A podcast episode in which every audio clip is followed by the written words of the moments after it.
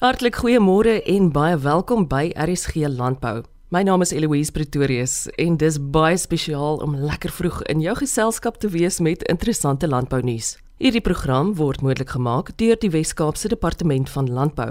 Vandag is Vrydag, die 29ste Desember 2023 en die tyd het aangebreek vir ons tweede laaste program van die jaar voor ons weer saam die bil by die horingspak in 2024. Adjunkdirekteur Landbou-ekonomie by die Wes-Kaapse Departement van Landbou, Rian Nouers, deel nuttige data omtrent wild en landbougrondpryse. Ons bespreek veral goeie nuus vir boere wat betref wildveilinge.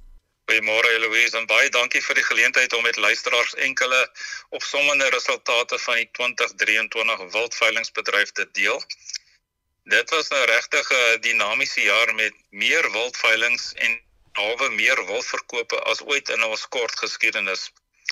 Ek wil tog net eers ietsie meer rondom die wilddatabase van Elsenburg vertel, net ter agtergrond waarom ons rekord probeer hou van uh, alle wildveilings wat reg oor die land plaasvind. Uh waar het dit begin? Basies het dit begin op die reaksie van 'n navraag wat uh, een van ons veekundiges binne die landbousektor vir ons uh, aan ons gerig het. Dit het daartoe gelei tot die byhou van wildveilingsresultate uh, reg oor Suid-Afrika.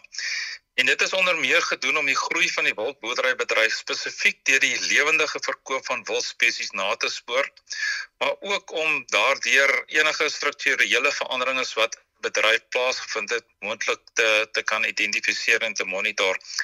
Dit het ook uh, behoorlike reaksies of terugvoer op wildspesies prysnavraag gehad uh, wat ons dan in staat stel om enige prysnavraag uh, ordentlik te kan beantwoord deur middel van verifieerbare databronne. Ons kan ook die geskiedenis gee van daai spesifieke spesies se pryse in die in die verlede, die gemiddelde pryse sowel as die die hoogste pryse van die verskillende jare. So 'n bietjie meer oor die vroeë veilingdata wat ons het en daarbey gesê ons beslis nie alle historiese transaksies nie want dit, dit ek, ek vang maar net op dit wat ek het. So in 1991 is daar so wat 8300 wilddeur wildveilings verkoop wat 'n omset van so net onder die 9 miljoen rand tot gevolg gehad het. So dis 1991. Die eerste behoorlike rekords van wildveilings wat ons begin hou het is so wat 'n dekade of later in 2002 uh, 2002 begin waar ons toe 35 wildveilings ge gemonitor het met 'n omset van net so oor die 105 miljoen rand. Uh daai jaar 2002 is so wat 20000 stuks wild verkoop. Daarna het die aantal wildveilings jaarliks geleidelik gegroei met toenames in die aantal diere wat verkoop word en natuurlik ook die die bruto inkomste wat gegenereer word. Uh sommige wildboere, ekonome en omgewingsbewustes het gewaarsku oor die sogenaamde bubble of borrel effek wat op die bedryf kan wag. En dit het duidelik geword dat wildverkope en omsette inderdaad 'n hoogtepunt bereik het gedurende die 2014 tot 2016 jare. Hierdie rekordomsette is aangevuur deur veral hoë pryse vir kleurvariant spesies en natuurlik sommige hoë ware spesies soos buffels en swartwitpense. Die interessante deel van hierdie moniteringsoefening is dat die basiese beginsels van Economics 101, ekonomie 101 binne die wildveiling ekonomie begin realiseer het, waar vraag aan meer realistiese pryse vir die van vandag begin uh, getoon het. Hierdie verskynsel is waarneembaar wanneer individuele datastelle van elke spesies bekyk word en is natuurlik beskikbaar met my. Indien 'n mens na spesies se ekonomiese kurwes kyk, En ek sê jammer, maar ons het nou nie grafieke wat ons vir julle kan wys nie. Het dit uh het hierdie kurwes aanvanklik hoër begin beweeg soos wat pryse toegeneem het tot by daai piekjare van 2014, 2015. En daarna het dit in die meeste gevalle gedaal soos wat pryse genormaliseer het. Vandag glo ek persoonlik is die meeste van ons gemiddelde pryse realisties en gebaseer op goeie genetika. En ek kan dit ek kan dit uh, motiveer deur die die grafieke wat gedaal het en nou begin hulle stabiliseer begin baie meer op mekaar lê wat vir my wys die wildpryse is nou in my opinie baie meer markverwant en realisties van genetika gepraat dit is duidelik dat goeie genetika tog tot hoër pryse lei en dit is ook rasioneel waar bestuurders of eienaars dan streef om genetiese groeikragtigheid binne hulle kuddes te verbeter. Ek glo natuurlik wil boere boer nie met wild of diere nie, hulle boer met genetika. Twee interessante waarnemings het na vore gekom. Eerstens het die pryse van kleurvariante 'n dramatiese daling getoon vanaf 2014 se hoogtepunt tot 2020. Tweedens het vlakte spesies se pryse gesonde stygings getoon. Die interessante feit oor die kleurvariante is dat sedert die COVID-19 jaar van 2020 er nie 'n belangstelling in hierdie spesies opgemerk is. Dit het ek nou veral hierdie jaar begin sien met pryse wat positiewe groei getoon het, maar wat beslis nie naby die vlakke van 2014 tot 2015 2014 2015 is nie. Trouwens, so 12% van alle diere wat hierdie jaar verkoop was, was kleurvariante wat dalk nie goeie nuus is vir sommige omgewingspuriste wat bekommerd raak met die getalle wat verkoop word uh meer as 10% van alle diere uh oorskry nie. Maar duidelik het die sommige van hierdie kleurvariante se pryse 'n uh, uh, redelike stygings begin toon hierdie jaar. Het die COVID-19 pandemie impak op die wildveilingsbedryf gehad? O ja, dit is lus, dit het sekerlik. En wildafslaers en boere het hierop gereageer. Hoewel die verbod op lewendige veiling daardie tyd 'n impak op wildverkope gehad het, het die koms en die ontwikkeling en verfyning van hierdie online veilinge, elektroniese online veilinge tog tot die verkope van amper 30000 diere in 2020 gelei. Waar die verhouding tussen online veilinge en jou lewendige veilinge normaalweg in die orde van 20% 80% is, het dit gedurende die pandemie jaar en mense kan dit verstaan verander na kom ons sê 70 30%. 20% van alle aanlyn verkope was uh, of 70% van alle verkope was aanlyn verkope. Dit was moontlike ekte seën aangesien dat die wildbedryf in staat gestel het om virtueel te kan opereer en sy elektroniese vermoëns op te skerp tot voordeel van beide die koper sowel as die verkoper. Meer inligting besonderhede was nou beskikbaar goeie besluitneming te verbeter wanneer transaksies oorweeg word deur uh, die die kopers. In hierdie aspek is die wildboerderbedryf in my opinie baie beslisste leier in die gebruik van elektroniese verbetering tydens regdeur sy ware ketting. Uh kom ons beweeg nou 'n bietjie nader aan wat in die 2023 vellingsjaar gebeur het en ek kan dit uh, ek is baie trots op om te sê dat verskeie rekords is opgestel. Hoewel die jaarlikse finansiële omset nie naby daardie goeie jare van 2014 2016 was nie was die omset van 650 miljoen rand steeds bykans 30% hoër as die van verlede jaar. En die hoogste sedert die Covid jaar 'n nuwe rekord van 166 wildveilings het plaasgevind wat 14 meer is as verlede jaar se rekord so 2022 was daar 'n rekord en ons het dit verbeter hierdie jaar met 106 wel met met 14 na 166 wildveilings. Vir die eerste keer in die wildboerdery se geskiedenis is meer as 50000 diere formeel verkoop met die uh, 54300 wat amptelik verbeter het op verlede jaar se rekord van 49500. Indien suiwer na die omset van individuele veiling gekyk word, kom daar interessante statistieke na vore.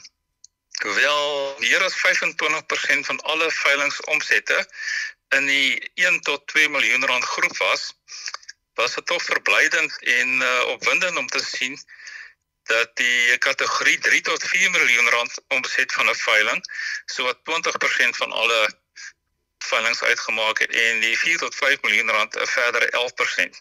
Dit is 'n baie baie duidelike uh positiewe groei in vergelyking met vorige jare. En uh ons verwag 'n verdere groei in die volgende jare of wat wat voorlê vir hierdie kategorie en en die ander kategorie.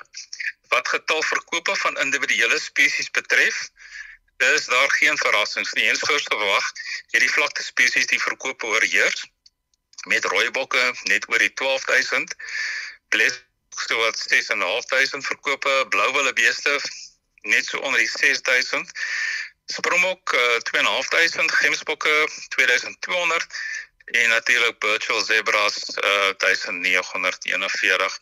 Hulle het die meeste verkope aangetoon in 2023. Jou uh, Kaapse eland waterbokke en rooi hartebeeste het ook goeie getalle getoon en uh, so ook buffels uh, en swartotpense wat 'n uh, goeie uh, verkope gewys het. Wat die persentasie groei in getalle verkope tref, het rooi ribbok, goue splits, wildebeeste, takbokke en springbokke die grootste groei in verkope gerealiseer in vergelyking met verlede jaar met swartwildpense en jou bassergemsbok wat in dieselfde werk egter 'n afname in uh, verkope getoon het. Dit was interessant om kennis te neem van prysveranderings van spesies in vergelyking met uh, 'n uh, jaar gelede. Vir hierdie doel is besluit om geselekteerde spesies se manlike diere se prysveranderings met mekaar te vergelyk. Nou ons as ekonome is ons mal oor grafieke en uh, ons grafieke het aan die lig gebring dat die Matesi swartwit pens, swart springbokke, Zambi se swartwit pense, Wes-Zambi se swartwit pense, koning wildebeeste en witflank rooibokke almal uiters goeie prysverhogings getoon het gevolg deur Oos-Afrika buffel springbokramme en blou wildebees bulle. Hartwater springbok, waterbok, chesapeake, steenbok, grysduiker, rooi ribbok en bosbok manlike diere het egter negatiewe prysgroei gerealiseer. Om uh, af te sluit, die Suid-Afrikaanse wildboerderbedryf het 'n merkwaardige herstel getoon vanaf die 2020 terugslagjaar met rekordverkope ten opsigte van diere wat koop is, asook veilinge wat plaasgevind het. Hierdie rekords van aktiewe koop en verkoop is gesonde aanwysers van geen oordragte onder diere wat so nodig is vir 'n gesonde wildbedryf sowel as vir 'n gesonde omgewing. Ons wildboerdery, soos ek net nou gesê het, boer myns en siens met gene en nie met wild nie. Dit is ook duidelik dat die wildboerderbedryf nie werkskram van tegnologie nie en elektroniese media ten volle benut wanneer dit nodig is. 'n Groep wat dikwels verwaarloos word binne die vraag en aanbodketting is die veilinghuise self wat in die meeste gevalle hulle data so akkuraat en vinnig met almal deel. Dit maak deursigtigheid en meer akkurate en tydige ontledings van wilspesie data moontlik natuurlik vir ons ontleders makliker. Laastens mag alle rolspelers, boere, agriwerkers, bestuurders, afslaers, die media en die publiek nog 'n positiewe nuwe jaar beleef met ons Suid-Afrikaanse sosiale ekonomiese omgewing wat voordeel trek uit vorige ervarings en nuwe innovasies. Ek glo ons almal sien uit na 'n opwindende en natuurlike voorspoedige 2024. Rian het vroeër kortliks daarna verwys, maar ek kry tog die gevoel dat ons die wen momentum gaan voortsit in 2024. Nee, beslis nie. Ek ek sien uit regtig na as ek die Engelse woord exciting opwindende nuwe jaar en ek uh, kan nou nie sê 'n nuwe rekord gaan gebreek word nie, maar maar ek kan nie wag om te sien wat die stukkies legkaarte vir my vir 2024 gaan wys nie en uh, ja, ek dink ons gaan 'n baie baie mededingende jaar hê en wat my trots maak van die wildboerderybedryf is ek ek dink baie van die ons uh, veekundige bedrywe kan ook bietjie kom kers kers opsteek met wat hierdie manne verwag. Wat sou jou raad wees aan boere op hierdie stadium? Nee, wat hulle moet aanhou doen wat hulle doen en hulle moet net uh, hulle moet bewus wees van hulle omgewing en natuurlik bewus wees van uh, van wetgewing, maar ek dink ons is op die regte pad. Uh, ek wil al die statistieke en tendense wys dat uh, 'n stewige groei, maar mense moet maar altyd bewus wees van wat in jou onmiddellike omgewing, jou wetlike omgewing en jou omgewings om uh, aangaan en ek dink wat my verblydend is is ook die sosiale omgewing van van ons wildboere waar hulle kyk na hulle mense, hulle hulle is bewus van van bemarking wat uitstekend is. En iets interessant van die bemarking is ek ek let net op en dis nie net wildboere nie, maar dat webtuistes in my opinie baie verwaarloos word. Ehm um, maar sosiale media uh, het baie sterk na vore getree. Ek dink net wildboere moet as jy 'n webtuis het, moet dit nie ver, verwaarloos nie. Sorg dat dit ook opgedateer word want jong eerste indrukke is is baie belangrik. Maar ons manne en dames is op die regte pad en uh, ons sien uit na uitstekende 2024. Ek lief dit so om met jou te gesels. Jy deel altyd die interessantste data en dis so verstaanbaar ook. Rian, ek wil graag meer gaan lees hieroor. Waar kan ek gaan aanklop? Is daar 'n webtuiste wat ek moontlik kan gaan besoek? Weet jy, baie van ons artikels word uh, in die normale media gepubliseer as sowel as uh, op ons Elsburg uh, departement van Weskaap se se landbou webtuiste.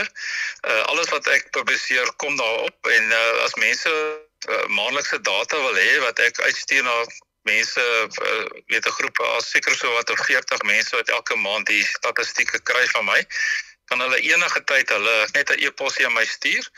serian.knowers westerncape.gov.za. Dan kan ek uh, op 'n maandelikse basis vir hulle uh, weet met hulle deel wat ons het, hoe die stand van sake byvoorbeeld nou van die 2024 seisoen is. En uh, ja, dan het ek sommer hulle rekords en natuurlik dit is 100% gratis. Dis Rian met 2 A's, R I A A N. Help my tog net met die spelling van Nouers. Yes, dis dis uh, eintlik Nouers, maar um, in Afrikaans word dit sommer Nouers is N O W soos vir nou, N O W E R S en uh, @westerncape.gov.za. En by dese wil ek daarom ook net, jy weet, vir ons luisteraars sê dat die mense werksaam by die departement van landbou Wes-Kaap is altyd gretig om te help, altyd baie gewillig om boere ook by te staan met raad en daad en navorsingsdata en resultate te deel. Nie waar die Rian? 100% jy is jou jou uh, jou uh, wat jy sê is op sy kop. Miskien kan ek net sê data as koning. So eenvoudig soos dit en mag almal veilig reis waar hulle ook al gaan. Ria Nouers is adjunkdirekteur landbou-ekonomie by die Wes-Kaapse Departement van Landbou. Kobus Meyding van die Tuinroete Omgewingsforum deel met ons die inhoud van 'n onlangse navorsingsverslag wat verband hou met omgewingsbestuur. Hy deel ook uitdagings tans in hand asook moontlike oplossings. Daar staan 'n direkte korrelasie tussen 'n land se ekonomie en die manier waarop hy sy omgewing bestuur. 'n Land wat nie ekonomies floreer nie, het eenvoudig nie die kapasiteit om na die land se omgewing en sy natuurlike hulpbronne om te sien nie. Bill Clinton het altyd gesê, "It's the economy stupid." En dit is die waarheid. As jy byvoorbeeld kyk na voorbeelde soos die Kruger Nasionale Park wat omring is deur armoede, mense wat nie uh, ekonomies aktief is nie, het eenvoudig nie geld om kos te koop nie en wendtelik toe na wildstropery. Duisende strikke word jaarliks gestel in die Kruger Wildtuin en ek dink die laaste syfers het getoon dat hulle hierdie jaar alleen 500 diere al verloor het en dit is ten spyte van die feit dat 'n hele paar duisend strikke al verwyder is en 'n ander voorbeeld is uh in die Suid-Kaap byvoorbeeld is 'n baie goeie illustrasie daarvan waar ons te doen het met indringer plante groei wat die landskap, ons riviere, ons bergopvangsgebiede en vlei lande oorgeneem het en eksponensiële verspreiding daarvan het 'n groot impak op uh, die hoeveelheid varswater wat beskikbaar is en natuurlik die watergehalte en dan die biodiversiteit wat lê onder hierdie ehm um, hierdie plante groei.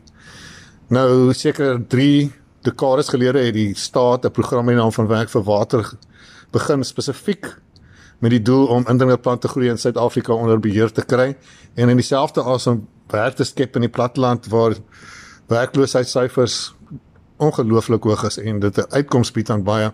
Maar die begroting is heeltemal te klein en natuurlik gaan dit gepaard met besigheidsmodelle wat nie suksesvol is nie en alles lei daaronder. 'n Laaste voorbeeld is natuurlik um, die bestuur van rioolaanlegte dwars deur Suid-Afrika en rou rioolwater loop direk in ons waterstelsels in met 'n baie negatiewe invloed vir alle stroomafverbruikers vir al die landbou en dit maak natuurlik 'n impak op ons voedselsekerheid en sekuriteit en ons watersekuriteit want besoedelde water is baie duur om skoon te maak en dit hou 'n langtermynbedreiging in vir Suid-Afrika. So die lang en kort van hierdie goed is dat eh, die samelewing self moet ingryp en hulle doen dit al reeds op 'n groot mate. Privaat grondeienaars spandeer miljoene rande jaarliks om hulle eienomme skoon te kry van indringende plante groei.